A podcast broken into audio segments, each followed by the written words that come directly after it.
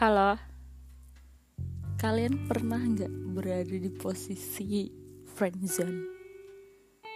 Kita mencintai teman kita sendiri, sahabat kita sendiri. Sebagai sahabat, kita pasti sering curhat. Biasanya benih-benih cinta itu berawal dari situ curhat, saling nyaman, saling terbuka.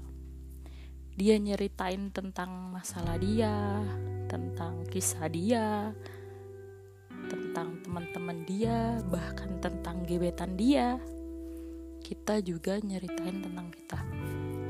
Dan seiring berjalannya waktu, kita ngerasa kalau kita itu selalu butuh dia.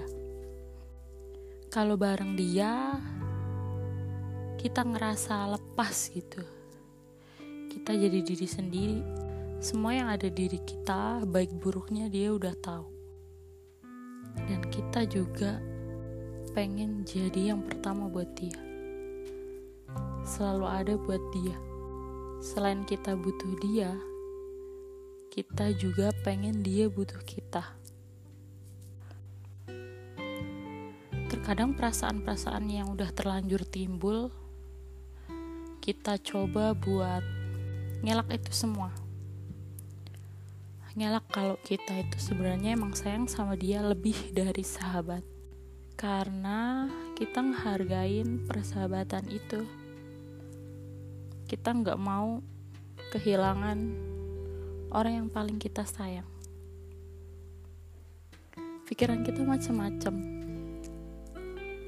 takut kalau misalkan nanti pas bareng, pas jadi pasangan dan ada masalah sampai pisah, kita nggak cuman kehilangan pasangan, tapi kita juga kehilangan sahabat.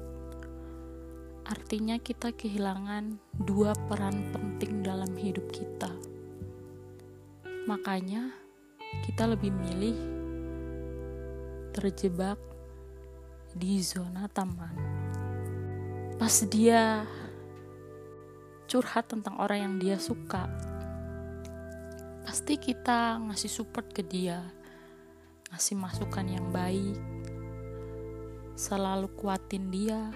Padahal di balik itu semua, kita teriak kalau ngapain sih kamu kejar-kejar dia, ngapain sih kamu masih sayang sama orang itu ini loh di depan kamu itu ada aku.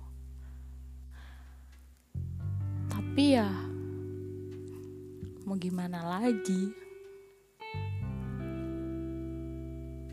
Kita lebih milih buat cukup jadi sahabat pendengar yang baik karena kita takut kalau kita ngungkapin itu semua dia bakal pergi.